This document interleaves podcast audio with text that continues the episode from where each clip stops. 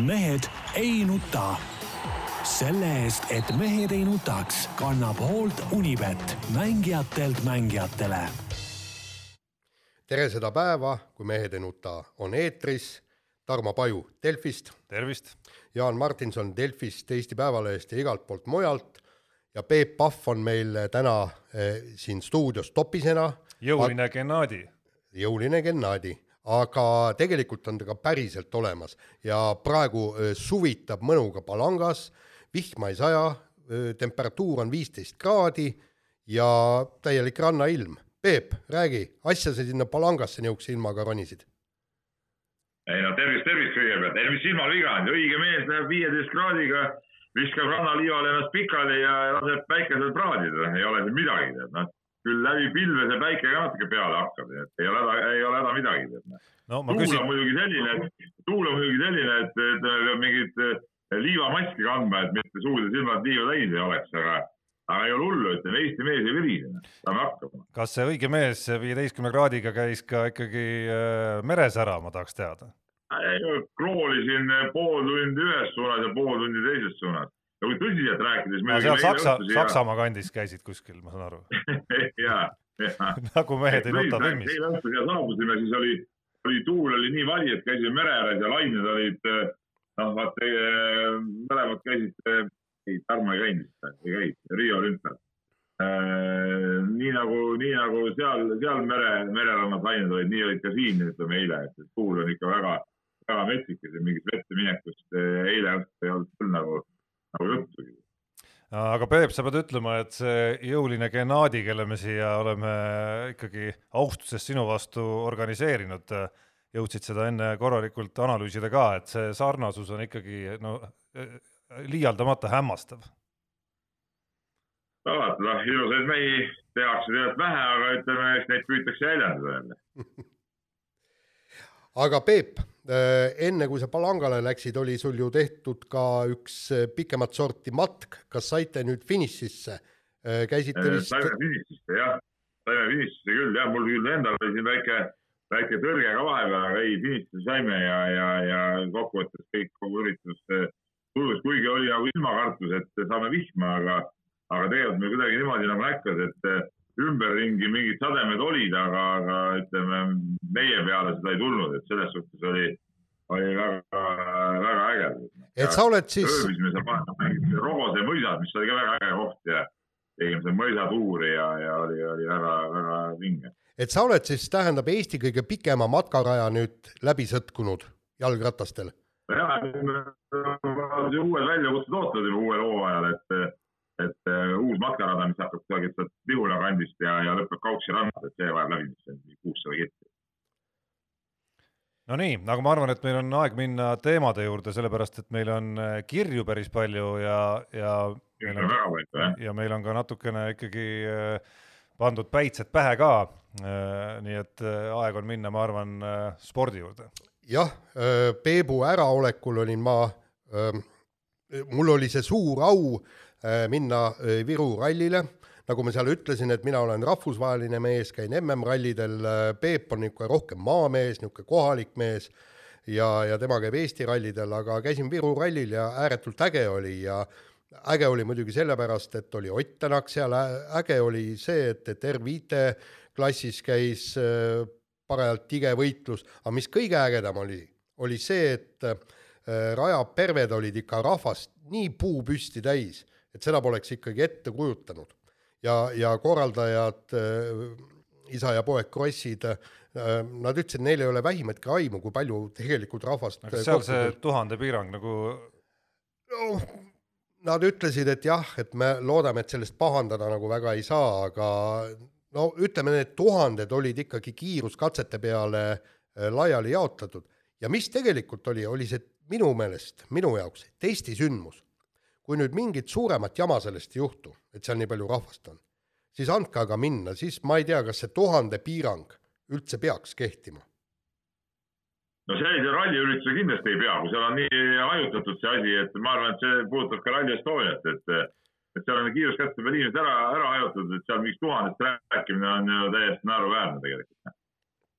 tuhat ühe, ühte vaatamiskohta on see peaks olema see piirang. no piltide järgi mulle tundus seal mõnes vaatamiskohas isegi rohkem, aga, aga selles mõttes on kindlasti õige, et, et välisõhus äh, ei tohiks see asi üldse kriitiline olla, et tänagi lugesin hommikul ühte äh, New York Timesi koroona uudiskirja, kus, see rõhk, nagu me oleme siin rääkinud ka ikkagi selle viiruse puhul üli, ülekaalukalt läheb nagu siseruumide ja, ja seal tihedalt koos olemise juurde ehk et see on see ohuallikas number üks, baarid, restoranid äh, ja loomulikult, loomulikult kahjuks ka need äh, ikkagi äh, siseruumides toimuvad spordivõistlused, kuhu teoorias on võimalik ju tuhandeid inimesi kokku panna ja, ja nad teevad seal päris kõva häält ja, ja päris kõvasti hingeõhku tuleb välja seeläbi.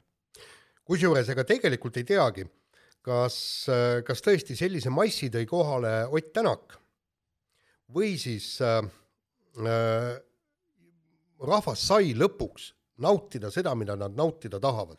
bensiinivingu, mootorite mürinat, lihtsalt seda vabadust, et vot ma lähengi nüüd välja, pean seal pikniku, söön vorsti ja vaatan siis, kuidas autod kiiresti mööda kihutavad, et minu meelest kõik see kokku panduna tõi selle massi tee äärde ja ka noh, mis rallist rääkida, Tänak võitis, aga, aga noh, see oli ennegi selge, et kui tal midagi seal öö, olulist ei juhtu, siis, siis ta on pika puuga teistest kiirem ja ja nagu ma sain aru, ta sai kenasti mm, autot testida, ütles, et eh, teed on eh, Eestimaal enam-vähem sarnased, et sai valmistuda Rally Estoniaks, kuigi neil tulevad ka spetsiaalsed testid ja, ja siinsamas Eestis. Ehm, üht-teist sai katsetada, tiimile oli see väga kasulik, sest ta ütles, et, et mõni, mõningate detailide nii-öelda noh, testimiseks on vaja kilomeetreid ja mis eh, kõige tähtsam, ta sai Hyundai'ga mis ta siis oli, kaheksakümmend seitse kilomeetrit lisaks endale, sest ega ta väga palju ei ole sõitnud öö, selle uue autoga. ja need kõik on olulised detailid, mis sa ära märkisid, eriti nüüd arvestades nagu päris äh, tippu ja Ott Tänakut, aga tead mind ennast, no ma nii palju kui võimalik oli, ma ikkagi jälgisin neid tulemusi, et no mul Tänaku tulemuste jälgimist pole erilist mõtet. nii nagu Georg Krossi tulemuste jälgimist, aga mind huvitas just see, mis seal nagu nende selja taga toimub, kuidas need R5-d sõidavad ja, ja kuidas Egon Kaur ja, ja Roland Murat, kes seal oma protodega nende vahel hakkama saavad ja, ja ütleme nii, et, et Roland Poomi sõit oli võib-olla väike pettumus, et okei okay,, ma saan aru küll, et uus auto ja harjumatu auto ja, ja seal tuli nagu seda autot säästa ja nii edasi, aga, aga arvestades tema ambitsioone, ma oleks ikkagi eeldanud, et ta et ta vanameister Raul Jeetsil teeb eh, selja ilmselgelt prügiseks ja, ja, ja, ja saab, eh, saab tast jagu, aga, aga läks, läks vastupidi ja, ja mis oli muidugi huvitav, oli Egon Kauri kiirus selle Proto autoga, et eh, noh, ta on, seda kiirust on ta muidugi eelmistel aastatel ka näidanud, aga see auto on muidugi selline, mis kipub lagunema, aga seekord tal, ma saan aru, et oli, oli päris palju selles suhtes õnne või, või on ta selle auto nii tugevalt lõpuks ehitatud, et see peab lõpuni vastu, et et väga-väga tahaks, et Egon Kaur saaks sõita ka nii-öelda nagu päris autoga ja, ja, ja, ja ütleme kuskil päris konkurentsis, mäletad, Jaan, kui ta sõitis seda juunior WRC-d, siis ta oli ju, ta jäi ju nii napilt sellest äh, võidust ilma, eks ole, et, et oleks ta karjäär võib-olla kõik teistmoodi võinud minna ja, ta on ilmselgelt kiire mees, et et, et vot need, need olid hoopis huvitavamad detailid selle ralli juures. jah, seda küll, aga, aga just Poomi puhul ongi see, et, et üks oli selge, ta pidi seda autot sääst-, säästma ja teine asi on ikkagi noh, ma kujutan ette, et eelkõige läks see äh, ralli tal autoga äh, Hyundai R5-ga kohanemiseks aga, aga ta ütles ka väga selgelt välja, et, et Rally Estonial on koht näidata, et et mul ei ole aega liiga pikalt õppida. Ja, ja, ja teine asi, mis ta ütles, et tal oleks vaja tegelikult ühe, isegi kahepäevaseid teste enne Rally Estoniat, sest selge see, kui ta seal on samuti aeglane ja jääb Jeetsist äh, maha, äh, noh, siis on ikkagi kuri karjas. aga, aga muide, mis äh, vaata praegu meie mõlema jutust jäi mulje nagu Jeets oleks muidugi mingi naljamees, et see muidugi vastab tõele, eks ole, et ta on sõitnud MM-rallisid R5-ga päris palju ja kõiki asju. Aga tegelikult ta on ikkagi puhas harrastussõitja, et, et, et milles see vahe, miks ta selle, selle detaili väljendan, ongi see, et Roland Poom tahab olla nagu profisõitja ja kuhugi veel jõuda, et Eestil enam seda ambitsiooni ei ole, et ta on lihtsalt nagu tore mees, kiiresti sõidab ja, ja, ja autospordis on ja nii edasi, aga, aga ma ütlen, et, et Poom peab tast olema kiirem, siin ei, ei ole nagu mingit muud varianti, kui tahab kuhugi jõuda. aga, aga üks, üks päris masendav asi oli ka, kui ma hakkasin lugu kirjutama, ma hakkasin igaks juhuks vaatama, et et ega see Viru ralli ei olnud äh, esimene ralli, mis nüüd äh, üle maailma toimub, selgus, et ei ole, siin on äh, sõidetud ja ka sel nädalavahetusel sõideti väga palju rallisid ja lihtsalt klikkisin lahti ühe Itaalia ralli. mingi suvaline ralli oli, ka mingi ühepäevane ralli, sõideti umbes sama palju kui seal. ja sa, Peep, kujutad ette, kakskümmend R5 autot on stardis. kakskümmend. muidugi, muidugi. no muidugi. See, on ju täiesti masendav, kui Itaalias suvalisele rallile tuleb kakskümmend R5 aut-, viis autot ja meil Egon Kaur tunnistab, et tal ei ole raha selleks, et, et rentida endale veel vähem osta R5 autot, eks. et see näitab, et, et ikkagi kuskil meil oleks vaja, Eesti rallil oleks seda boost'i vaja, et, et me, meil peaks olema öö, neli, viis, kuus parimat meest peaks R5 autodega sõitma. kas see riikide suuruseid arvestades seal ikkagi nagu loogiline vahe ei ole ka siis? aga kui vaadata rallisõitjate headust ja, ja aga no mass, mass, mass ja, ja Itaalia ju, on ikkagi ralliriik. just, aga, aga ka meie oleme ralliriik. meie oleme ralliriik võrreldes Itaaliaga, ütleme, et Egon Kaurid, need panevad need Itaalia vendadele nagu ise tahavad, eest ja tagant külje pealt mööda igalt poolt, eks ole. aga, aga mis ma tahan öelda, et Jaan, see kõik on õige, seda boost'i oleks vaja Eesti rallile, aga kuidas see peaks tulema, noh, see on nagu, see on nagu rallisportlased nii spetsiifiline ala, et siin ei saa niisugust asja teha, et et ma ei tea, et mingi Eesti koondis ostab, ma ei tea, viis R5 autot, no see, seda raha ei ole ju kellelgi kuskil olemas, noh. et, et siin ongi see ikkagi, et, et kes saab nagu selle raha kokku, see saab endale seda lubada, kes ei saa, see, see ei saa, aga noh, lihtsalt kahju on, kui, kui siuksed kiired mehed jäävadki sellepärast nagu kõrvale asjast, et neil ei ole seda raha, aga, aga, aga mingit, mingit toimivat lahendust välja pakkuda, no ei ole mitte keegi suutnud, kuidas seda asja lahendada. ja, ja sellepärast, et Eesti on niivõrd väike, Prantsusmaal probleeme ei ole. Prantsuse alaliit ju maksab ju kõik, nii kiiretele meestele maksab ka ju see R5 või, või mäletad juuniorid lööbile ja, ja, ja, ja Ogier'le maksis ju äh, alaliit maksis kinni. Kõik need sõidud äh, juunior MM-sarjas ja pärast seda siis ju äh, ka seal, kui Ogier alustas ju sisuliselt no Citrooni teises tiimis on ju, kõik see maksti kinni, MM-sari ja sellepärast need Egon Kaurid ja mehed sõidavadki nende protoautodega, et see on nagu hädalahendus, et, et üldse nagu midagi sõita.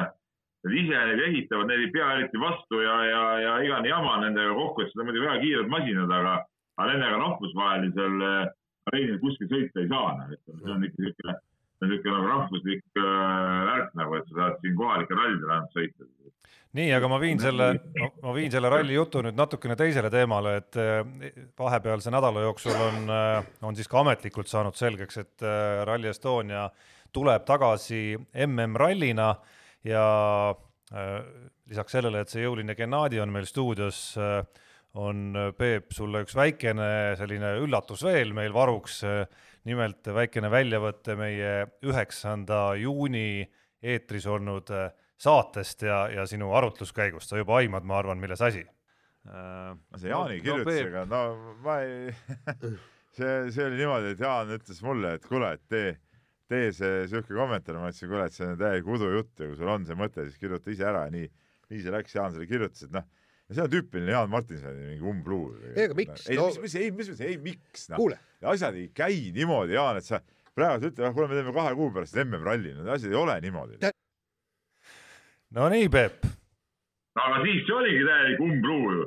ega Jaan võttis selle täiesti õhust ja noh, see sel hetkel ei olnud ju midagi veel klaar, nii et selles suhtes mul oli loomulikult järjekordselt õigus nagu alati et eh, poleks... sel hetkel see oli täielik umbluu.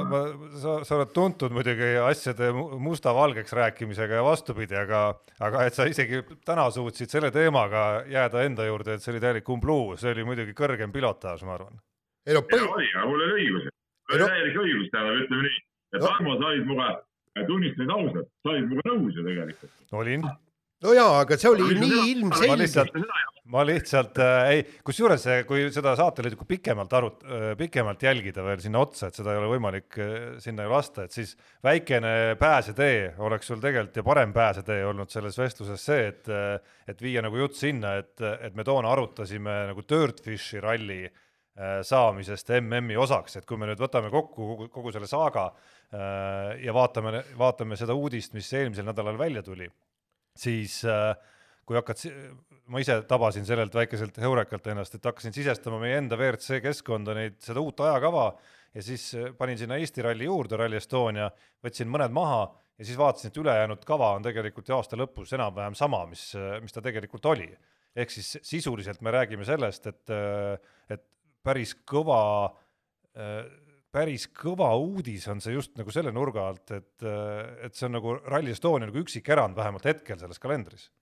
Räägiti ju väga paljudest rallidest, millega peetakse läbirääkimisi, mis võivad saada lätlastest, belglastest, nii edasi, belglastest räägitakse praegu ka veel, aga lõpuks hetkepilt on selline, et ainult Rally Estonia on lisandunud siia nagu mingisugune tohutu erand jaa, aga selles kommentaaris ma ju kirjutasingi, et, et see Dirtfish Rally jutt käis ikkagi sellest, et võtke nüüd Urmo Aava ka kampa, lõpetage see nüüd sõjapidamine ja tehke see ära. ja tegelikult ongi noh, noh, see on ju selge eelmistest aastatest on selge, et Urmo Aava korraldab MM-rallide tasemel rallisid.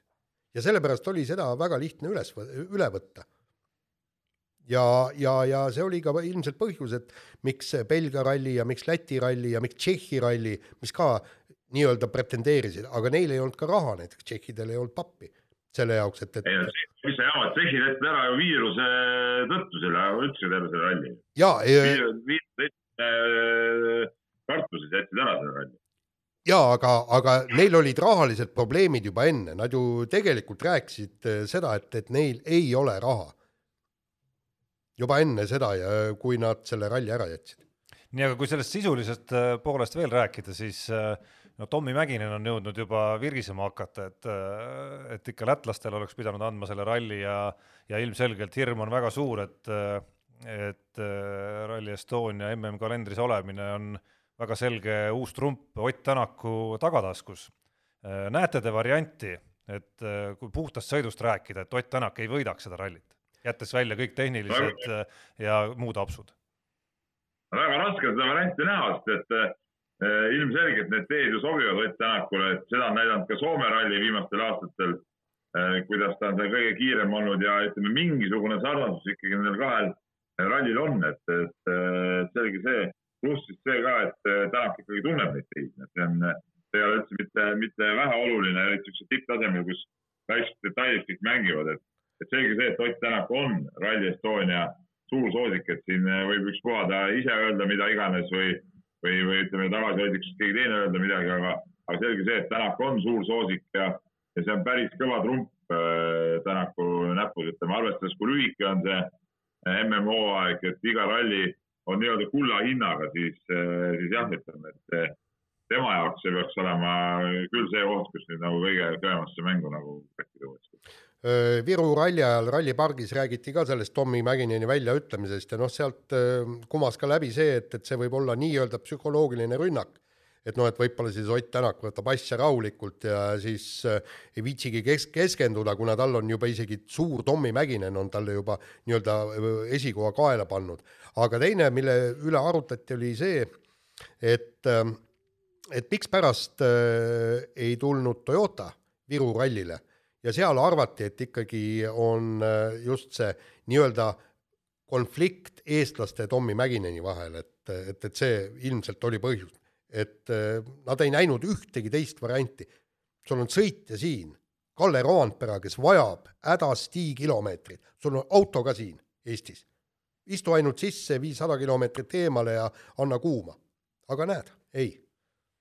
Jaani jutus oli praegu kaks täiesti lapsikut teemat, tähendab Äh, kõigepealt see, et keegi arvaks, nagu keegi arvaks, et Tänak läheb, võtab nii-öelda poolkõvalt seda rallit ja see, kes vähegi Ott Tänak tunneb, saab aru, et asi niimoodi loomulikult ei käi ja, ja, ja see mõte on juba oma, oma olemuselt täiesti jabur. ja, ja teine lapsikus on siis see, et kui tõepoolest toodata mingisuguse jonni pärast ei tulnud sinna rallile, siis see näitab ka, et Tommy Mäkinen tegutsenud on ilmselgelt ebaprofessionaalne, et siin isiklikud mingid solvumised või, või tunded ei mängi mingit rolli, et kui tiimil on on seda tarvis, siis oleks tulnud tulla äh, starti ja, ja jutu lõpp, et selles suhtes ütleme, üks tapsik ajab, ajab teist tagasi. aga noh, kui kolmas detail siia lisada, siis Mäkineni jutt iseenesest on, on nagu pisut äh, totter, kui ta, kui ta siin hakkab seda Eestisse ralli tuleku teemat nagu noh, kuidas öelda, rääkima, et siin mingisugune ebaaus moment on juures, et sellisel juhul, mida me Soome rallist räägime või, või noh, prantslastel on kogu aeg olnud omad rallid ja nii edasi ja nii edasi, et see, see, see, see tundub nagu täitsa totakas jutt. ja, ja kusjuures Toyota tehas ja nende testirada on ju Jyvaskyla kõrval ja nüüd nad käisid ju äh, sõitmas jällegi, testisid äh, Ouninpohja katsel äh, Toyotasid, et nad kütavad seda Soome ralliteid hommikust õhtuni ja siis jah, tulevad ütlema et noh, nii vaadates Eestisse ja Belgiasse peakski nui neljaks üks ralli tulema no,, vähemalt just. sellistel hooaegadel, kus Neville ja Tänak on tiitlikonkurentsis. just.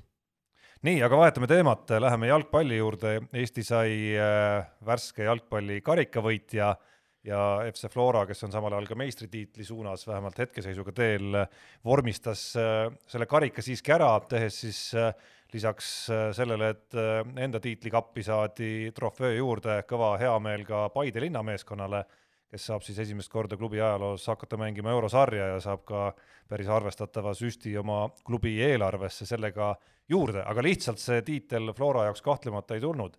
Äh, ma pean tunnistama, et üle pika aja tegelikult vaatasin esimesest üheksakümne pluss kolm või neli minutini ära ühe Eesti jalgpallimängu. Ja, ja oli täiesti selline mäng, mida ma nagu noh, ei saanudki nagu teleka äärest ära minna, selles mõttes just, et et oli põnevust, olid mingid perioodid, kus kvaliteeti võib-olla oleks võinud rohkem olla, nagu Praagi näol praaki oli nagu päris palju, aga, aga vähemalt kirge ja tule- ja, ja nagu, nagu taset mingitel hetkedel ja põnevust oli minu arust küll ja sümpaatne oli näha Narva jalgpallipoisse, kes oli Tallinnasse kohale veetud ja, ja kes tegid sellest nagu sellise nagu päris jalgpallimängu äh,. täpselt äh, võtsid mul sõnad suust, et äh, noh, ühest küljest kahju, et, et Narva ja kusjuures ma pean tunnistama, et sümpaatia ja. vaikselt nagu läkski narvakate poole just sellepärast, et nad olid liiga viimased, ilmselgelt natuke nõrgemad aga vaadates neid Narva poisse seal ja, ja mitte ainult poisse, vaid, vaid ka vanemaid inimesi, siis äh, ilmselgelt oli näha, et see nende jaoks on hästi suur asi. ja kusjuures penaltiteni oleks siin, oleks see asi võinud ikkagi minna, lisaaeg pluss penaltid aga, aga teisalt jälle on hea meel ka Paide üle, sellepärast et Paide on teinud ju äh, suurepärast tööd kõik need aastad, viimased aastad. ja, ja nüüd said tasu kätte, nüüd nad saavad Euroopasse minna ja tühis, tühjas Euroopas, sinna sa võid niisama ka puhkusereisile minna, kas või Palangasse, aga sa teenid raha sellega. Nad saavad pluss sada viiskümmend tuhat eurot ja nad saavad oma klubi teha veelgi tugevamaks. Ja, ja, ja Paide ongi, Pai-, oota, kiirelt ütlen, et Paide ongi see, kes suurele kolmikule praegu kõige jõulisemalt kannale astub. no ta ei ole isegi mitte kannale astunud, vaid ta on selle peale astunud juba aga jah, see Paide, Paide teema ongi, ütleme see Flora karikavõit ei huvita sellest nagu mitte kedagi ja see mind absoluutselt ei, ei eruta ka, et tegemist on suurklubiga ja, ja noh, võidavad või ei võida, noh, see ei ole nii oluline, aga küll aga jah, ütleme see dilemma oli selle Paide ja, ja Narva vahel, aga kuna Narva on varem tegelikult ikkagi eurosarja mänginud ja ütleme nende jaoks on nagu juba nagu olnud asi, siis Paide jaoks see on ikkagi täiesti, täiesti uude maailma astumine ja ma ei tea milline on see Paide staadion, et saaks, kas nad saavad ka kodus mängida seda euromängu või peavad nad Tallinnast tulema, millest oleks väga kahju, et, et, et kui ikkagi Paide saaks oma kodus mängida euromängu, no see oleks nagu juba ikkagi äh, vingemast vingem asi, et, et, et, et äh, need väikeste kohtade võistkonnad, nende, nende poolt peab alati olema, on ta siis korvpall või käsipall või, või jalgpall või võrkpall, et et seal tehakse nagu ikkagi seda ehedat asja nii, aga Peep, sulle nüüd väike Vimkaga viktoriini küsimus, kiirelt vaatasin siin äh, sinu jutu saatel ära. Äh, kumb on elanike arvult suurem linn, kas Paide või Keila? Ma tean, Keilas on kümme tuhat, ma ei oska öelda, Paides äh, ma pakun välja, et midagi sarnane, enam-vähem. no pooleteist tuhande jagu on Paides vähem isegi, nii et saad aru, millele ma vihjan.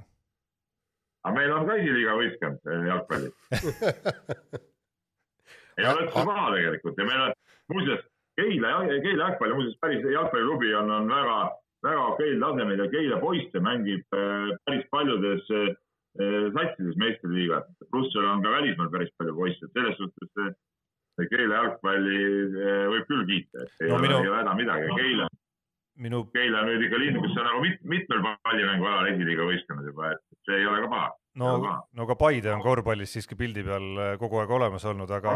samamoodi jah, esiliigas jah. aga minu põhiline vihje oli suunatud ikka sellele, et kui äh, Paide jalkas suudab, siis miks Keila ei võiks korvpallis suuta? no aga eks me tegutseme sel nimel, tegutseme, tegutseme. aga siiski väike konks siin selle Paide juures on. Need mehed ju ei ela Paides.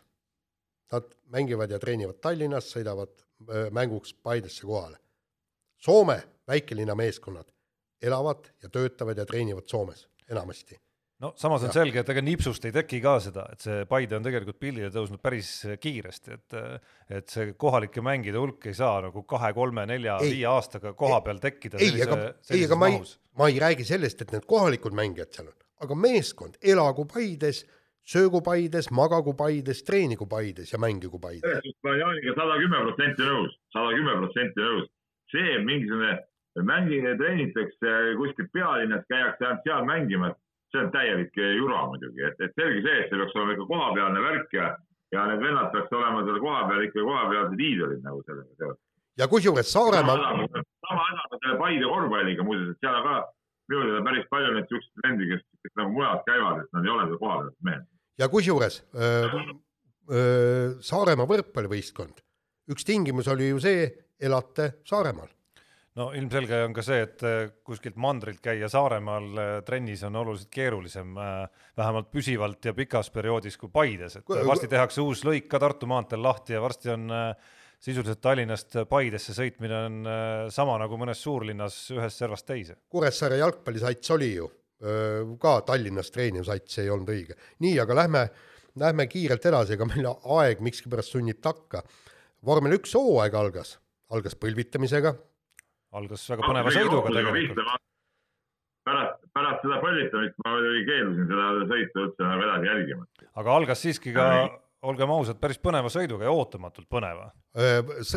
algas, algas noh, nii ja naa, eks, aga lõpp läks ikka täiesti põnevaks ja, ja no ütleme, et intriigi on, kuigi tegelikult ega vist väga ei ole, ainukene intriig on, tundub, et ikkagi selles, et et kas Valteri Potas lööb siis Lewis Hamiltoni äh, droonilt, aga vaevalt, et see juhtub, ma ei, ma ei näe võimalust, et Mercedes annaks nagu selle nii-öelda edu ära. no see, sa mõtled nüüd Hamiltoni edu või, või enda kui tiimi edu? no jah no., ütleme niimoodi, et, et Mercedes igal juhul võidab minu meelest kaks esimest kohta. ja see, see tundub olevat täiesti selge pärast esimest etappi Äh, ja nagu sa ütlesid, ainus intriig on kahe mehe vahel ja see intriig on sedavõrd äh, rohkem, et kuigi nagu tavaolukorras tundub, et see ei ole usutav, et Hamilton kaotab tiitli Bottasele, siis äh, hooaeg on oluliselt lühem kui tavaliselt ja, ja esimese etapiga on Bottas saanud ikkagi noh, teatava arvestatava ruumi endale juurde, et Hamilton ei saa selliseid etappe endale väga palju rohkem enam ikkagi lubada. jaa, aga möll oli seal. praeguses olukorras on mõeldav, et ähm, äh, valge mees võib võita selle sarja või? Kogu seda, kogu seda varianti vaadates, mis seal, mis seal toimub. ahah, et FIA hakkab. kui valge, valge peaga Potas võidab, see puhas rassism. ja no tõesti. ja aga, aga muidugi, mis oli, mis oli ka väga intrigeeriv, oli see, et, et Ferrarit ei olnud, no kuigi äh, Charles Leclerc sõitis ennast teiseks ja tõesti sõitis ja võitles ennast äh, teiseks ja see näitab ära, et, et Vettel ikkagi neljakordne maailmameister, jääb ikka noorele jogale puhtalt ja selgelt alla. Ja kusjuures noh, Ferrari'l pole enam kiirust ka. Ja no see on ikka täiesti müstika tegelikult, et täna hommikulgi lugesin BBC-st ühte pikemat vormeli kommentaari, kus natuke lahati seda Ferrari teemat ja ja see tundub nagu sellel tasemel ikka täiesti käsitlematu, mismoodi enamik autosid, kas või kui võrrelda ringiaegu eelmise aastaga, on saanud kiiremaks ikkagi ja Ferrari on saanud nagu silmnähtavalt muutunud aeglasemaks. et, et siin meenutatakse eelmise aasta üsna salapäraseks jäävaid kokkuleppeid FIA ja Ferrari vahel, millega siis Ferrari kiirust natukene mingite selliste segaste, segaste asjaolude ja tehniliste nüanssidega tekkinud kiirust nagu maha keerati aga, aga sellegipoolest ikkagi see tundub ikka uskumatu möödalask nii suurelt ja tähtsalt äh, tiimilt. no nii ta on, aga, aga vaatame, mis, äh, kuidas edasi läheb, sel nädalal on ju äh, juba järgmine sõit ja, ma hoian ikkagi pöialt Valteri Potasele. nii, aga esimese saateosa lõpetuseks natukene ka korvpallist ikkagi Eesti mõistes väga arvestatav ülemineku uudis Eesti korvpalliturul, kui meie legendaarne olümpiavõitja ja, ja kauaaegne Eesti korvpallikoondise peatreener Tiit Sokk siirdus siis Tartu ülikooli korvpallimeeskonna abitreeneri pingile. No väga kõva asi, ma Tartus teiega rääkisin ka sellest ja avaldasin igatepidi kiitust ja ja, ja, ja soovisin edu niisuguse sammu puhul, et see, et nad selle tiidu sinna said, et Tiit ka ise läks ja tundub, et tal niisugust entusiasmi ja tegutsemissoovi seal on olemas, et keskkonnavahetus võib-olla talle endale ka mõjub mõjub päris hästi, et eks ta on päris kaua ühes äh, katlas olnud ja, ja nüüd minna täitsa uude kohta, uude rolli, uute mängijate juurde. ma arvan, et see on, see on Tartu jaoks väga kõva asi ja kui Toomas Kandimaa saab enda kõrvale nii, nii hea mehe, kes ütleme, oskab ka neid nooremaid mängijaid nagu sisse tuua sinna, sinna võistkonda ja teada on, et Tartul on ju Eesti parim äh, see noorte püramiid ja, ja noorte kasvatamise süsteem, eks ole siin Tallinnas peavad oma Audentesega mõelda, mis tahavad, et selge see, et Tartu on number üks selles suhtes. praegu on asjad seal paika saanud ja kui nüüd Tiit on ka seal, siis sealt tuua neid mehi sinna võistkonna juurde, ma pakun välja, ütleme siin kahe-kolme aasta pärast, eh, ma usun, et Tartu võistkond just oma mängijate toel on, eh, on ikkagi Eesti noh, jätame Kalev Cramo praegu kõrvale, eks ole, on, on ikkagi Eesti selgelt number üks äkki. samas minu arust selles teemas Kalev Cramot just ei tahaks nagu väga kõrvale jätta, et, et me räägime ju äh, Äh, seda, seda üleminekut saaks ja võikski minu arust vaadata ka selle nurga alt, et, et mõnes mõttes äh, Tartu võttis, no vähemalt eeldatavalt näis, kuidas see asi kõik välja kukub, äh, sellise väikese jackpot'i ju ka, ju ka Kalev Cramo ees, et miks samamoodi äh, Tiit Sokk ei võiks olla ikkagi nagu Kalev Cramo süsteemis mingil kujul äh, eriti olukorras, kus Kalev Cramo on siis äh, Tiit Soku korvpallikooli järeltulijaga panemas noh, ütleme leibasid ühte kappi või, või isegi enamat natukene, et, et tekitamas seda oma püramiidi ja ses mõttes oleks seda loogilisem, et et Kalev Cramo oleks samamoodi pingutanud, et Tiit Sokk selles süsteemis kuidagimoodi alles oleks. nojaa, aga me teame ju, Tarmo, ka sinagi tead, et ütleme, seal ei ole võib-olla kõige äh, Kalev Cramo ei ole nagu Tiitu tegelikult ju kunagi tahtnud nagu oma treeneri pingile või, või niimoodi sinna süsteemi sisse, et et seal võib olla ka see, et nad võib-olla ka nüüd ei, ei, see on, see on puhas spekulatsioon, eks ole, et ei tehtudki väga suuri pingutusi, tähendab, et seal on Alar Varrak, kes jääb nagu ühendavaks lüliks siis Kalev Cramo ja, ja Nordi vahele, et ütleme, ta siis Kalev Cramo nii-öelda nagu neljanda treenerina seal pingi peal ja, ja annab, annab seda infot edasi. Ja mis aga puudutab seda spordiklubi Nord nüüd, kes on siis äh, Tiit Topp korvpalli järeltulija ja Kalevi süsteemist, tegelikult nad on, ongi päris huvitavas ja keerulises, keerulises seisus, et põhitreener oligi seal ju Tiit ja, ja Martin Rausberg ja mõned mehed olid läinud, Martin Rausberg Audentesesse, Tiit Tartusse. et, et äh, sellisel hetkel justkui toimub, ütleme liitumine, ütleme Eesti absoluutse tippklubiga. võib see olla päris, päris keeruline, et kes seal siis nagu reaalselt neid, neid äh, kutte treenima hakkavad, noh, et, et, äh, et see on, see on nagu huvitav, jah. aga noh, korvpallitreenereid justkui nagu turul jälle nagu oleks ka, Priit Vene on vaba Rauno Pehka lahkus, pidi lahkuma Audentesest, Howard Fryer lahkus Audentesest. ei no Pehka on ju Audentese spordiklubis, ega ta sellepärast ju lahkuski, et ta olla spordiklubis edasi, ega ta ei lähe Nordi samal ajal ei saa minna. sinna mitte ilmselt jah. Ah? jaa, seda küll jah, et äh, seda liigutust oleks tal äh,, oleks tal kindlasti keeruline teha, aga äh, väikene kõllikene. aeg sunnib takka, peame kiire vahemängu tõesti kiiresti läbi mängima huvitavaid asju tuleb välja ja noh, kohati tundub, et, et see tippsport on ikka päris hullumeelne värk ähm,. Äh, Saksa äh, uuriva ajakirjaniku äh, Seppeli raamatus, kus räägiti spordi pahupoolest, tuli välja, et doktor Schmidt töötles oma dopingulaboris klientide verd, ehk siis ka ilmselt meie suusatajate verd, no seda täpselt öelda ei saa, kuna, kuna kindlaid fakte ei ole UV-kiirgusega, mis andvad siis äh, äh, parandavad hapniku tarbimisvõimet, suurendavad hemoglobiini ta-ta-ta, ta-ta-ta, seal oli väga palju igasuguseid asju, et et asi ikka läheb täiesti keemiaks kätte, tippsport. ei, ma, ma tegin ka avatuse, ma siin enne selle ratta sõiduks valmistudes siis äh, panin selle äh, mobiiltelefoni taskulambi põlema ja siis äh, valgustasin oma veresooni sellega, ma tundsin, kuidas jõud tuli nagu sisse väga hea asi, väga hea asi, soovitan Jaan sulle ka seda. no eks ma proovin kindlasti, aga, aga kui ma hakkasin seda ajalugu nagu vaatama, et, et tõesti, seda UV kiirgusega on verd kiiritatud juba aastaid. Ja e, esimest korda tõusis see pinnale kaks tuhat kaks Salt Lake City olümpial, aga loomulikult meie mehed seal seotud ei olnud, see on selge.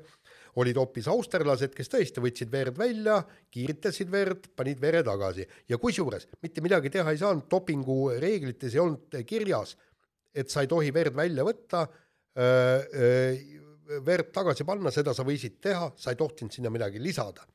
aga siis öeldigi, me ei lisanud sinna midagi, ainult kiiritasime ja kõik no siit tuleb välja ikkagi Eesti spordi võib-olla üks suuremaid muresid, et kui me võrdleme meid riikidega, kus päikest on rohkem ja päike on teravam, siis siis võib-olla, võib-olla see UV-kiirguse tase veres ka eestlastel ikkagi on nagu loomupäraselt juba kehvem no,. Tuleb, tulebki nagu aidata kaasa. ja tulebki aidata kaasa, jah.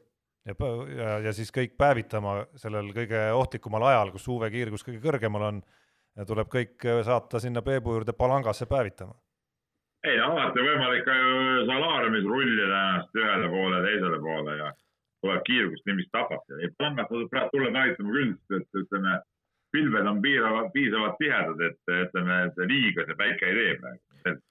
Peep, aga seal on jällegi üks häda tuleb, eks, et sa tõesti lähed sinna suvel, kiiritad ennast päikesevalgusega, käid solaariumis ära ja pärast hakatakse süüdistama, et sa oled blackface. Oled enda näo mustaks okay, no Jaan, sa ikka, sa, sa ka ei õpi muidugi ja on vaja neid palle kogu aeg ette sööta siin, vahetame teemat ja läheme võrkpalli juurde ja rõõmus uudis. Saaremaa võrkpallimeeskond hoolimata vahepealsetest kahtlustest on teatanud, et jätkab ikkagi te tegutsemist. no kas olid kahtlused? see oli üks, see oli üks suur veiderdamine Saaremaa võrkpalliklubi poolt, et, et ma usun, et see otsus oli ikkagi selge neil juba varem ja ja, ja, ja, ja tegelikult oleks tulnud see ikkagi ausalt varem välja öelda, et see niisugune venitamine jätab väga imeliku mulje. no samas oli selle uudise juures ka koht, mille kohta tahaks tegelikult äh, lähipäevadel rohkem teada saada, et meeskonna senine eestvedaja Toivo Alt, kes siin oli nende koroonasündmuste keskmes ikkagi ja, ja kannatas ka ise ja oma perekonnaga, et äh, saan aru, et tema ikkagi seal nagu põhiviiulit ei mängi mõnda aega vähemalt. noh, ütleme, et, et võib-olla oli vaja kuskil teha mingisugune vangerdus ja, ja kõik, noh, see on suur spordipoliitika või tegelikult väike spordipoliitika, et maailma mõistes ja ka Eesti mõistes, noh, see, kes juhib Saaremaa võrkpalliklubi, kas sellel on tähtsust? juhul, kui klubi tegutseb sama edukalt edasi aga noh, natukene, okei okay,, praegu oli see koroona mõõde ja kogu see Saaremaal aset leidnud äh, Äh, noh, trall kõlab natukene halva sõnana, aga, aga mingis mõttes ta ja kahjuks halvas mõttes oli seda siiski, äh, on nagu kurb lugeda üldse, et me üldse peame nagu rääkima sellest, et üldse on mingid küsimärgid üleval, et oi, rõõmus uudis, neljandat aastat Saaremaa ikkagi jätkab, et, et see, see, see, see ei tohiks nagu aasta-aastalt ju niimoodi käiagi. no jaa, aga paratamatult, no me oleme rääkinud, eks, et Eestis öö, klubide süsteem paraku ei toimi meil ei ole klubisid, mis oleks ajalooliselt nii tugevatel jalgadel, vähemalt jalgpalliklubid jah, ja, ja ka mitte kõik klubid, eks. Infonet ju kadus rahulikult ära, eks et eks see mõnes mõttes on Saaremaa klubi jaoks selline kriitiline periood, eriti just, et, et kui siit venitada nüüd kümneni ja sealt edasi, siis tekib, tekib mingisugune nii-öelda nagu juur maha. jaa, aga ma ei saagi aru, et, et mikspärast ei panda näiteks kas või Saaremaad tõesti kokku, vot meil ongi Saaremaa võrkpalliklubi, mis ühendab kogu Saaremaa võrkpalli, teeb öö, üle saare ka noortetööd ja kõik muu säärane, aga Peep, sina vist tead natuke paremaid, paremini neid öö, tagatubade värki, et, et ilmselt nii ei ole. Saaremaa võrkpall ei, ei ole ühtne. jaa, aga minu teada ka see nii ei ole ja see ongi jälle järjekordselt üks äh, imelik asi, et, et natuke lõhnab ikkagi, kõik need klubid, kellel ei oma, ei ole oma noortesüsteemi, lõhnavad ikka natuke siukest projekti, projektiklubide järgi ja, ja, ja mina neid projektiklubisid tõsiselt ei võta. sa tahad ikka olla päris klubis, hakka, hakka alt pihta, hakka neid kasvatama, neid lapsi ja oma mängijaid ja siis sul on nagu sa kinnistad sinna ära ja siis sul ei ole lõpuks seda kurat, et sul ei ole kedagi mängima panna, isegi sul raha on vähem, paned oma noortega, siis on väga lihtne, noh. ja, ja, ja ongi kõik, ei, ei pea, ei pea olema alati see, see maailma, maailmameister seal kohal, eks ole, et, et, et sellega sa oled järjepidevust ja see on nagu tõeline klubi, aga kui sa teed mingi esindusvõistkond, topid sinna mingi raha sisse, siis see on niisugune, niisugune projekti värk ja see minu silmis ei maksa mitte midagi. Kalev Cramo on ju ka projektiklubi jah, aga noh. nüüd nad näevad, okei okay,, kui nad üritavad, nad olidki, nad on, nad on lasknud liiga palju aega nagu lihtsalt tühja, aga okei okay,, nüüd nad võtavad selle Nordi ja kui nad tõesti hakkavad sellega seal noh, normaalselt tegutsema, et see ei ole mitte mingisugune pakasuhha värk, siis viis pluss, eks ole. aga seda me näeme siis mõne aastaga. nii, võtame järgmise teema ja meie ultramees, noh, ma ei tea, noh, tema, tema kohta on ülivõrded puuduvad, ei ole ühtegi eh, niisugust sõna, mida, millega öö, Rait Ratassepa kirjeldada ja võtab järgmise katsumuse ette või no mis katsumus tema jaoks on, kakskümmend päeva iga päev äh, läbida joostes üks maraton äh, ja ajaga alla kolme tunni. tähendab, et noh, et niisama läbimine, noh, see oleks köki-möki, aga alla kolme tunni. ja Tiidrek Nurme, meie äh, praegusel hetkel tegevjooksjatest parim mees maratonirajal, ütles, tema sellega hakkama ei saaks noh, seal äh, tähelepanuväärne oligi Ratassepa see lause, et kui ta kakskümmend korda teeb ära, siis ta saab kinnituse, et tegelikult ta võiks lõputult teha seda, et kasvõi kolmsada kuuskümmend viis päeva. noh, täitsa hull vend. aga üks asi, mis minu arust tihti äh, no see on kõik, kõik kõlab nagu ulme siiski, olgem ausad, tavainimese jaoks, aga üks asi, mis äh, minu arust vahel spordisõpradelgi võib-olla jääb vale mulje Rait Ratassepa puhul, on see, et jah, ta on ajanud oma selle vastupidavuse nagu mingit, mingitesse täiesti meeletutesse kõrgustesse, aga samal ajal, kui ta peaks kiiruse peale jooksma hakkama, siis oleks tegemist Eesti kolmanda-neljanda meesmaratoni jooksjaga. ehk siis äh, me räägime mehest, kes tahab nüüd kakskümmend korda järjest kahekümne päevaga alla kolme tunni seda joosta, et tegelikult äh, on tema võimekus läbida distantse tavainimese mõistes ikkagi väga kiiresti ka väga kõrgel tasemel Peep, sina tegid ka suure katsumuse. minu jaoks ikkagi jäänud natukene Ratasepa äh, nii-öelda võistlused arusaamatuks, ma saan sellest aru, kui on tõesti need siuksed võistlused, kes teevad seal, ma ei tea, kolm-neli triatloni järjest, mis on nagu ongi nagu võistlus, eks ole, et, et on konkurendid ja kõik, et aga see sihuke, et jooksed kakskümmend korda maratoni, ei, see on super, no muidugi see on, siin midagi ei ole rääkida, me ise ei ole küüne mustagi väärt sellega võrreldes, aga, aga sportlikus mõttes seal võistlusmoment ju puudub, no ja, ja, ja, ja jälle järjekordselt minu jaoks see nagu ei ole nagu mingit põnevus on null. Peep, aga mäletad. piiride, piiride kompamine ja nii edasi, aga spordi mõte on minu arust ikkagi võistlus, võistlus, mitte iseendaga, vaid võistlus ikkagi mina versus Jaan või mina versus Tarmo, eks ole, see nagu.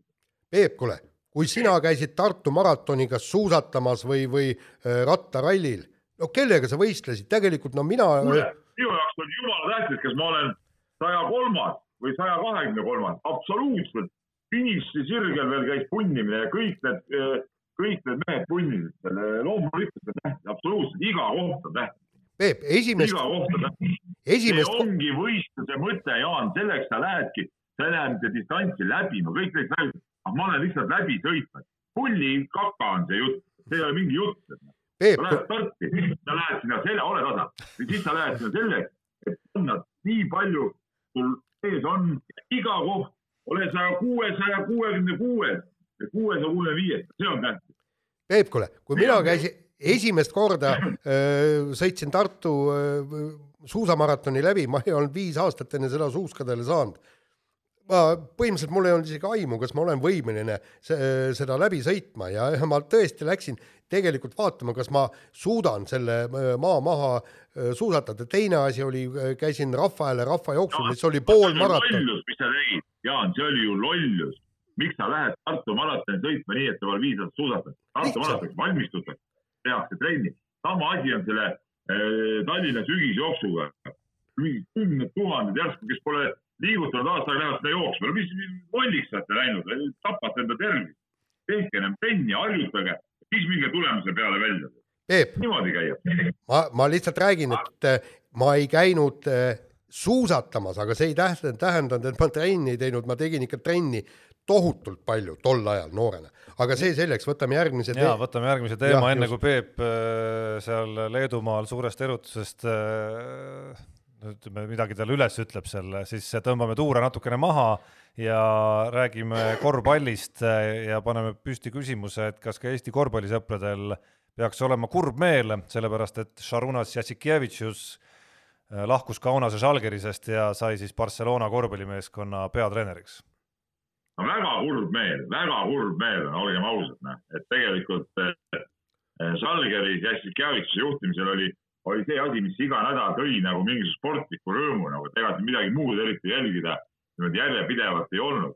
see oli nagu põhiasi, mida iga nädal ootasid, mida kodus nagu arutasid seal, ütleme noorema seltsimehega ja, ja kõik neid mänge ja, ja neid, neid asju. noh, ja nüüd, nüüd nagu pole midagi, okei okay,, Salgiris jääb ju alles, aga, aga ütleme, harjuda, et seal on keegi teine treener, see võtab kindlasti nagu aega ja, ja, ja kas ta nii nii karismaatiline on, nüüd oli veel uudis, et need abitreenerid ka mitu tükki lähevad kaasa, et noh, et nüüd hakkab täiesti uus aeg seal Kaunases ja, ja, ja kuidas see võistkond üles ehitatakse, noh ei tea. et noh, selge see, et Salgiris jälgiti enne käivitusaega, loomulikult see oli ka kõik, olid nende poolt alati ja, ja oled edaspidi ka nende poolt, aga, aga ikkagi ütleme, mingi aeg on läbi ja, ja, ja, ja kuskil mujal satsis teda näha on äh, ikkagi nagu raske vahemärkusena ma ei ole kindel, kui palju Peebu kodustes aruteludes äh, noorema Pahviga on arutelusid ja kui palju seda, et äh, lihtsalt üks ütleb, kuidas asjad tegelikult on, aga mis Šarunas. see on arutelu, see on arutelu. Absoluutselt, aga mis puudutab Jassikevitšust, siis ühest küljest on kurb, aga teisest küljest on natukene hea meel ka siiski, et et sellise isiksuse nagu Šarunas Jassikevitšus tulek korvpallitreenerite ja tipptreenerite põllule ja läbilöök äh, nii selgelt kiirelt on olnud ikkagi ka omaette vaatamisväärsus. ja eks ta oli ikkagi nagu kuskile piimaga seinale joonistatud, et, et on aja küsimus, millal ühel hetkel äh, on see Istanbuli Fenerbahce, Barcelona, Maccabi või, või mis iganes äh, hoopis teist masti hoopis teise eelarvega klubi Šarunas Jassikevitšus endale võtab. Nii mehed. ses mõttes, ses mõttes on, ses mõttes, ses mõttes on tore talle ka see, ka nagu individuaalses plaanis talle edasi kaasa elada. hea, et see Barcelona ei, oli. loomulikult kaasa elada, aga minu arust kõige huvitavam küsimus on see, eh, vaata, ütleme Kaunases ta oli nagu ikkagi kuningas, absoluutne kuningas, ütleme klubis toimus kõik nii, nagu tema tahtis, väike klubi, tema oli A ja O. Barcelonas need asjad ei pruugi üldse nii nii käia ja nii, nii lihtsalt olla, et, et nüüd ongi see küsimus, et kuidas ta sihukeses suures süsteemis ja kus ta ei ole tegelikult ju no ütleme, see ei ole nagu võrreldav, mis ta nagu Leedus oli ja mis ta Barcelonas on, kuigi see on tal ka tuttav klubi ja ta on seal mänginud ja, ja väga hinnatud vend. kuidas ta seal nagu suudab ennast kehtestada ja oma neid äh, ütleme siukseid ikkagi noh, ta on ikka päris karm vana nagu, et, et, et kuidas neid oma neid asju seal, seal nagu peale suruda, et, et see on, see on nagu ütleme, sellest tuleks kõige huvitavam asi nii, mehed, hästi kiire küsimus ja kiiret vastust ka. Eesti mees on juhtinud Kaunase Žalgirist teatavasti, millal Eesti korvpallitreener saab Barcelona või Madridi Reali peatreeneriks? Jaan, ära, ära seeni söö nii palju tõesti. ei no mis mõttes? miks see? see on nii jabur küsimus, kui üldse olla saab. Miks, miks leedulane suudab ja eestlane ei suuda, mis me oleme nii kehvemad? Leedu on korvpallimaa, Eesti on lihtsalt Eesti no Jaan, saad ise aru, et äh, hakkame sellest rääkima siis, kui näeme kedagi sinnapoole teel. siis vaatame edasi. ja, ja võtame kiire vahemängu viimase teema. Äh, ja Reinar Hallik meil tundub, et ta on Eesti üks kõige sümpaatsemaid äh, korvpallureid, eriti noh, publiku lemmik ja juhtus ikka tõsine õnnetus põhimõtteliselt tulekahjus kaotas kogu oma vaisa, maise vara, nagu ta ütles, et, et jooksis tulest välja oli. Lühikesed püksid jalas, lühikesed püksid jalas, tütrest on kõige rohkem kahju, temal põlesid kõik äh, kaisuloomad ja kõik muud asjad sinna sisse, Kera Välk oli süüdlane ja, ja, ja nüüd on äh, noh, mees ei tea, et, et no maja saab ilmselt üles ehitada, kindlustus katab, aga ütles, et kogu seda vara ja tal oli veel ka omanimelise korvpallikooli äh, mitmekümne tuhande eest kraami oli seal majas, kõik põles maha, see tuleb tal ka oma taskust kinni maksta ja siit lihtsalt üleskutse, et, et kui te olete korvpallifännid ja Reinar Halliku fännid, siis äh, minge talle appi. et Facebookis saate teada, kuidas abistada saab ja öelge kas või hea sõna talle. jah, no väga sümpaatne oli kuulda ja lugeda tegelikult äh, tema enda mõtteid selle juures, et äh, olgu täpsustatud inimestele, et ta ise pole liigutanud lillegi selleks, et keegi talle nagu otseselt appi tuleks et pigem oli väga vastumeelne talle pikka aega see ja tunnistas ka ise, et äh, aidata on tegelikult palju lihtsam, kui seda abi vastu võtta. ja, ja ma, mul läks ikkagi tema nii-öelda moosimiseks äh, väga palju äh, aega, enne kui ta lubas meil sellel artiklil üldse Eesti Päevalehes ilmuda. nii, väike paus Unibetis saab tasuta vaadata aastas enam kui viiekümne tuhande mängu otseülekannet. seda isegi mobiilis ja tahvelarvutis. Unibet, mängijatelt mängijatele nii, räägime Unibeti ennustusest. on teil arenguid? no mul on nii palju arenguid, et ma tiksun seal, ma võidan ja kaotan, võidan ja kaotan ja mul on kuskil kakssada kolmkümmend eurot on arvel ja, ja seal siis ümber. sa ikka kaotad rohkem? ei, ma olin ka, mul oli ka vähem vahepeal, et, et ma olen nüüd sinna kahesaja kolmekümne peale jäänud tükiks ajaks seisma, kui ma panen kaks ennustust, siis on täiesti raudne, et üks neist võidab ja teine kaotab. Peep, kuidas sul? ma praegu hoian seisu, praegu ei ole kuidagi nagu saanud nagu seda kuidagi nagu käima seda asja. ahah, ahah, no ma reklaamisin siin välja, kuidas ma kakskümmend viis tuhat lähen, toon ära Manchester City ja, ja Liverpooli ennustusmänguga. Äh, natukene jäi taaskord puudu, pean tunnistama, kuus küsimust oli, nendest pihta sain ühe. Aga vähemalt silm on peas. Si. silm on jaa, silm on peas, olen kahesaja üheksakümne viie peale, juhin vähemalt ja uue nädala Mehed ei nuta eripanus räägib jalgpallist ehk siis Eesti koduses liigas on Mehed ei nuta eripanusena siis tänased homsed mängud pandud ühte rivisse ja ja kaks koma viis on koefitsient, et nii Nõmme, Kalju, Levadia, Flora kui ka Paide linnameeskond kõik võidavad oma mängu, kõik on ka soosikud oma mängus, kõige väiksem soosik on Paide sellesama Narva Transi vastu, kus ilmselgelt seda võbelust saab olema kõige rohkem ka. jaa, aga koefitsient on väike, kaks koma viis, noh, ma ei tea. võiks olla näiteks neli koma viis, siis mõtled. sellise koefitsiendiga polegi mõtet panust teha tegelikult. ohoh, ohoh, kaks koma viis. no mis, saab midagi, paned viieka sisse, mis saab no see on väga bravuurikas avaldus, mis muud panustamis äh, Äh, valdkonda puudutab, siis äh, ootan pikisilmi muidugi nädalavahetust, kus on äh, vägev UFC võitlus koos kolme tiitlimatšiga tulemas ja vot seal, seal tekivad võimalused absoluutselt. aga muide, millega ma võitsin, oligi ju see, et, et Potas panin võitjaks ja tema koefitsient oli, oli vist kolm, nii et, et päris okei okay oli. nii, aga meil on hästi palju kirju ja ja nende juurde me peame ka kohe minema, tuletame siis meelde, et meile saab kirjutada Facebookis ja, ja meiliaadressil men.delfi.ee ja alustuseks äh, saab sõna Marko, kes äh, esiteks vaatas äh, ka karikafinaali jalgpallis ja nägi tribüünidel circa kolmesadat inimest ja küsib, et kas inimesed siis ei julenud minna või polegi jalg, jalgpall Eestis nii köitev. ma vaatasin protokolli, ma nägin seal seitsesada nelikümmend kaks või mingit niisugust rida ja, ja minu arust oli neid kindlasti rohkem kui kolmsada. ja, ja teine asi oli see, kas seal ei olnud ka mitte tuhande piirang. absoluutselt. jah, see on. tuhande piirang küll, aga sa jätsid muidugi sellest kirjast põhirea lugemata, et ikkagi põrinad on need, mis rahvast kokku toovad, Karks Nui motokrossil rajaservad rahvast pilgeni täis. samal päeval oli teadupärast ka Viru ralli, eks ole, et, et, et need on, need on alad, mis tegelikult inimesi tegelikult huvitavad ja mis, mis inimesi kokku toovad. nii, aga aga küll, küll ei plaaninud ma välja jätta Marko küsimust, Peep, sulle, kuidas hindad tänaste noorte ajakirjanike sporditaset ja nii-öelda järelkasvu, kas on tulemas noori ajakirjanikke piisavalt peale või mitte? hindan väga kesiseks või no suhteliselt kesiseks. on mõned tublid noored mehed, ütleme, kui vaadata, ega see ring või seltskond on meil ju suhteliselt kitsas tegelikult, kes spordiajakirjandusega tegelevad. aga, aga ütleme noortes ikkagi seda sellist haaret võib-olla kui vanameister Martinsonil või David Serbil, noh ikkagi nagu ei ole, noh, et, et ja mulle tundub, olles, olles nende mõlema mehega koos ka üles kasvanud, et, et noorena oli, oli neil ka seda haaret ja ma mäletan, kui noor Tarmo Paju oli, oli ajakirjanik, ütleme seda, seda haaret ja, ja, ja, ja ütleme, kuidas ma ütlen, seda kirge oli nagu ikkagi nagu kuidagi rohkem sees, et, et, et paratamatult millegipärast see nii on. see ei ole nagu päris päris see, et rohi oli rohelisem, aga, aga mulle tundub ka ikkagi nagu tasemet, kui ma vaatan neid lugusid ja meenutan omaaegseid lugusid, siis, siis kuidagi toona oli see, oli see, oli see äh, kuidagi nagu kõvem jaa, aga ma tahan lihtsalt kiirelt siia öelda, et, et tegelikult äh, meie ajal oligi ju sport oligi ainus, mis meil üldse oli. et, et meie, meil ei olnud seda nutisid, meil ei olnud neid telekanaleid tuhandeid ja kõiki nii, me elasimegi spordi sees. no siiski muud elualad ka, Jaan. mis peale spordi? Ja mis, mis elualasid oli pärast, peale spordi?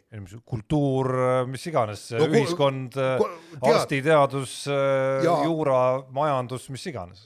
nii, siis kui sina üles kasvasid, võib-olla kui mina üles kasvasin, siis ei olnud neid.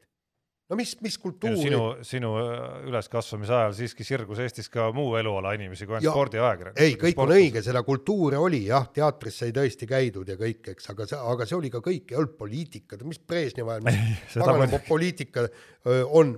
ei no komparteis sai ju karjääri teha no,, palun. ei no sa võisid teha küll, aga sa ei jälginud seda, sa jälgisid ainult sporti, lugesid ja noh, käisid teatris, vaatasid natuke kultuuri ka.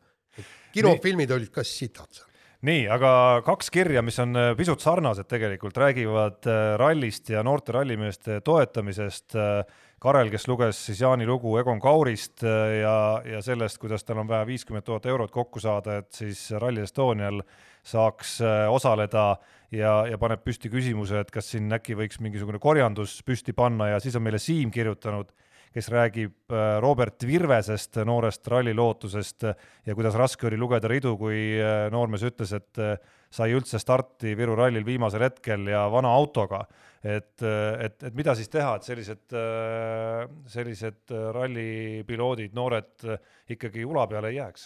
no väga raske on seda öelda, mida teha, ma sedasama Robert Virvese juhtum, ma olen Robert Virvese karjääri nüüd siin äh, eelmine aasta väga põhjalikult jälgisin ja, ja on kiire mees, vaieldamatult väga, väga andekas vend, et, et äh, üks võimalus oleks muidugi see, kui ikkagi autospordiliit võtaks, võtaks ja, ja teeks nagu konkreetselt ikkagi selle mingisuguse nii-öelda nagu noorte, noortekoondise asja ära, aga selleks peab autospordiliit leidma ikkagi mitmed sajad tuhanded, et siis saata üks või kaks autot sinna juunior WRC sarja, näiteks Robert Virvesel igal juhul oleks vaja nüüd minna siit Eestist välja, et, et, et tegelikult oma kiiruse poolest eh, esiveolisel autol, noh, ta on, on, on nagu tõendanud, et, et omasest põlvkonnast ta on, on nagu üle, noh, tal on tarvis minna nagu samm edasi. Noh. muidu ta jääks tavaliseks Eesti meheks lõpuks ja, ja see karjäär hääbubki kuskil ära, noh. samas on nagu näited, et ega see juuniorisaare minek midagi ei, garanteeri, võtame sama selle Roland Poomi või Ken Torni või noh, et midagi ei ole lõppkokkuvõttes nendega nagu juhtunud, nad polegi nagu kuhugi jõudnud, et sealt edasi uut sammu teha, on võimalik ainult siis, see sarja võidab. aga, aga noh, vähemalt seal tekib see võimalus no, ja, ja Robert Virves peaks autospordiliit igal juhul nagu aitama. ja, aga. seal peab olema nii, et, et kes otsustab, kelle me aitame, noh, võtame, et kui tal on näiteks Kuldar Sikk on no, nii-öelda nagu a la spordidirektor, siis tema otsustab, näe, tee mees ja nii ongi, siin ei ole midagi kobiseda kellelegi. Äh, Peep, äh, kas ma mäletan valesti, et äh, tegelikult Ott Tänaku karjäärile pumpas õhu sisse Marko Märtin ta ju tegi oma noortetiimi. ja ühe liikme. no tema seal..., tema juures on läbi käinud teisi mehi ka. aga no ega me ei saa ju loota sellele, et, et äh, Marko Märtin hakkab kõikidele karjääri ütleme boost ima seda, see on nagu ebareaalne. peab olema ikkagi mingisugune nagu üldisem asi. ja ei, seda küll, aga, aga seal ongi asi see, et, et võtke üks mees kõige pers-, perspektiivikam ja, ja andke temale hoog sisse, nagu meil oli Ott Tänak, eks. kõigepealt oli see Marko Märtina abi, siis ta oli Pirelli tiimi sai ju, äh, Pirelli tiimiga tegi ja siis sealt, sealt läks ja tema ju jättis juunior WRC sootuks vahele. Äh, no jah, tol ajal seda juunior WRC-d ja oli ikka olemas. oli, oli jah ja., muidugi. Nad läksid teist teed tookord jah nii, aga kappame kirjadega edasi, tundub, et paar äh, väga head küsimust jäävad meil tegelikult järgmisse saatesse. küll ei saa jätta mainimata Lennarti tähelepanekut, kes meenutab, et viimases saates rääkis Jaan, et Red Bulli noorteprogrammi juht Helmut Marko ei taha näha äh, piloote vormel kahes, aga millegipärast äh, nägi ta nädalavahetusel just nimelt vormel kaks sarjas kahte Red Bulli värvides masinat ja noorteprogrammi mehi Tsunodat ja Daruvalat sõitmas milles siis asi, kas ajasid jälle mingit jama? Äh, asi on selles, et Red Bull ei maksa öö, vormel kahe eest, F2 eest ja öö, oli ka võimalus öö, meie mehel Jüri Vipsil F2-te minna, aga ta oleks ise pidanud enamus kulusid kandma ja seda raha tal ei olnud. Red Bull maksab superformula Jaapani eest ja, ja loomulikult on nii teadlane Priidik kui ka Tamm Tamm, meie kõige legendaarsemad äh, sõbrad, saatnud meile ja on saatnud kusjuures väga häid küsimusi ja mul on tunne, et me selle minutiga ei jõua neid tegelikult praegu ette võtta, et, et äh, hindame neid küsimusi piisavalt kõrgelt, et, et panna need järgmise saate järjekorras kohe esimeseks. just, ja järgmisel nädalal kindlasti me oma ajaga kokku ei jookse ja me mahutame kõik oma teemad nii täpselt ära, et me saame kirjadele pühendada rohkem aega. no vaata, Peep seal kaugel maal on ju sellises rääkimisvaeguses lihtsalt.